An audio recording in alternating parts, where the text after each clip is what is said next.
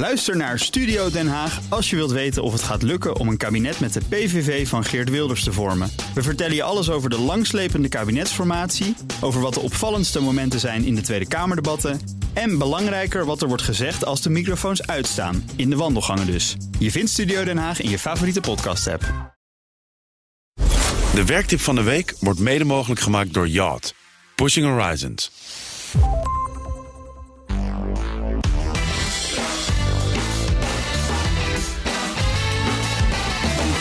En dus is bij ons uh, Ben Tichelaar, gedragswetenschapper en presentator van de Ben Tichelaar podcast. Om de werkweek weer een vliegende start te geven. Ben, goedemorgen. Goedemorgen Bas. Wat is je werktip deze week? Ja, ik wil het deze week eens hebben over de grootte van het team waarin je zit. Uh, onderzoek laat namelijk zien dat kleiner meestal beter is, maar veel teams zijn in de praktijk veel te groot. Dus als je nou straks uh, werkoverleg hebt, dan is het leuk om even om je heen te kijken en eens even te tellen. Hoeveel mensen zitten er eigenlijk in jouw team? Mm -hmm. Uh, in mijn team? Nou, mannetje of acht? Nou, ja, Kunnen er okay, drie van huis? Ja, precies. Ja. Nee, acht is, acht is echt goed. Ja. Ja, in sommige bedrijven uh, is het echt meer dan 50. Dat is bijvoorbeeld in de zorg zie je dat. En dat komt dan door reorganisaties. Dan heb je 50 mensen in één team. Dat is echt bizar. Uh, wat je ook vaak ziet is dat veel managers liever wat grotere teams hebben dan kleinere. Want dan denken ze ten onrechte dat je dan meer kans hebt om je doelen te halen. Dus in veel bedrijven is het probleem dat de teams eigenlijk te groot zijn. Ja, 50 man is toch niet te managen ook? Nee, dat is niet te doen. Nee. Je ziet eigenlijk in onderzoek dat um, zodra een team groter wordt, dan wordt de communicatie lastiger. Kun je ja. je voorstellen? Je krijgt eigenlijk meer onderlinge communicatielijnen. Mm-hmm. Wordt al bijna een beetje onoverzichtelijk zodra je op 7, 8, 9 mensen komt. Um, de samenwerking wordt lastiger. Wie doet eigenlijk precies wat? Hè? Die coördinatie is lastig. En je ziet ook dat er een, een motivatieprobleem ontstaat als je met meer mensen bent. Ja, het is een beetje de tweede wet van Gos, hè? Wet van de toe- en afnemende meeropbrengsten. Ja, precies. Ja, veel ja, mensen in een weilandje, dat uh, levert uiteindelijk als je bollen wil rooien niet al te veel op. Wat is, nee, het, dat is heel optimum? Ja. Ja, het optimum. Ja, nou, misschien eerst eventjes uh, die motivatie, die neem ik ja. inderdaad af. En ja, ja. jij noemde weet van, van Gos, dat is onder economisch dat dan uh, ja. bekend, hè? Gossen geloof ik. Hè? Ja. In de psychologie hebben ze dan het Ringelman-effect. Okay. En uh, dat, is, ja, dat was een Franse landbouwkundige en hoogleraar, die liet mensen aan een touw trekken, zijn studenten. Dat was ongeveer een eeuw geleden. En wat je dan zag is als een groep van acht mensen aan, samen aan een touw trok, dan leveren ze per persoon ongeveer 50% van hun maximale prestatie. Dus je ziet echt een soort afnemende curve van hoe hard we ons inspannen als we in een grotere groep komen.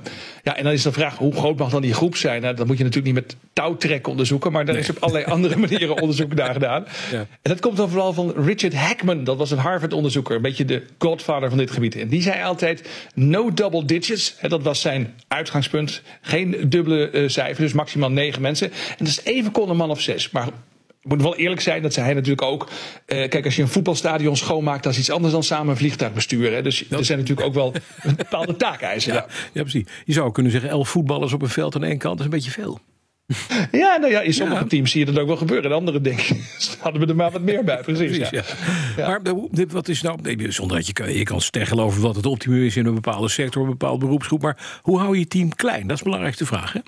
Ja, dat is eigenlijk de belangrijkste vraag. Als het kleiner kan, is het eigenlijk beter. En uh, de onderzoekers op dit gebied zijn eigenlijk redelijk eenduidig. Die zeggen, nou, probeer nou die grote taken die je hebt, of projecten die je doet, uh, probeer ze in onderdelen op te delen. Waar je eigenlijk zo klein mogelijke teams, nou zeg maar man of zes of zo, um, of iets minder, uh, de taken kunt laten uitvoeren. Dus grote taken deel ze op in kleinere taken.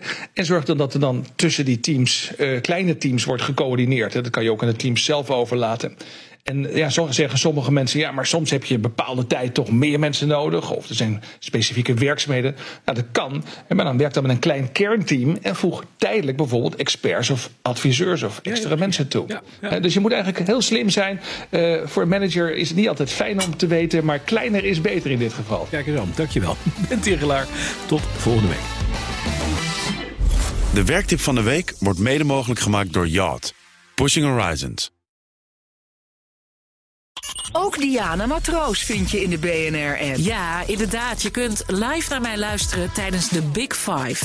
Ook handig in de BNR-app. Breaking nieuwsmeldingen, maar ook het allerlaatste zakelijke nieuws.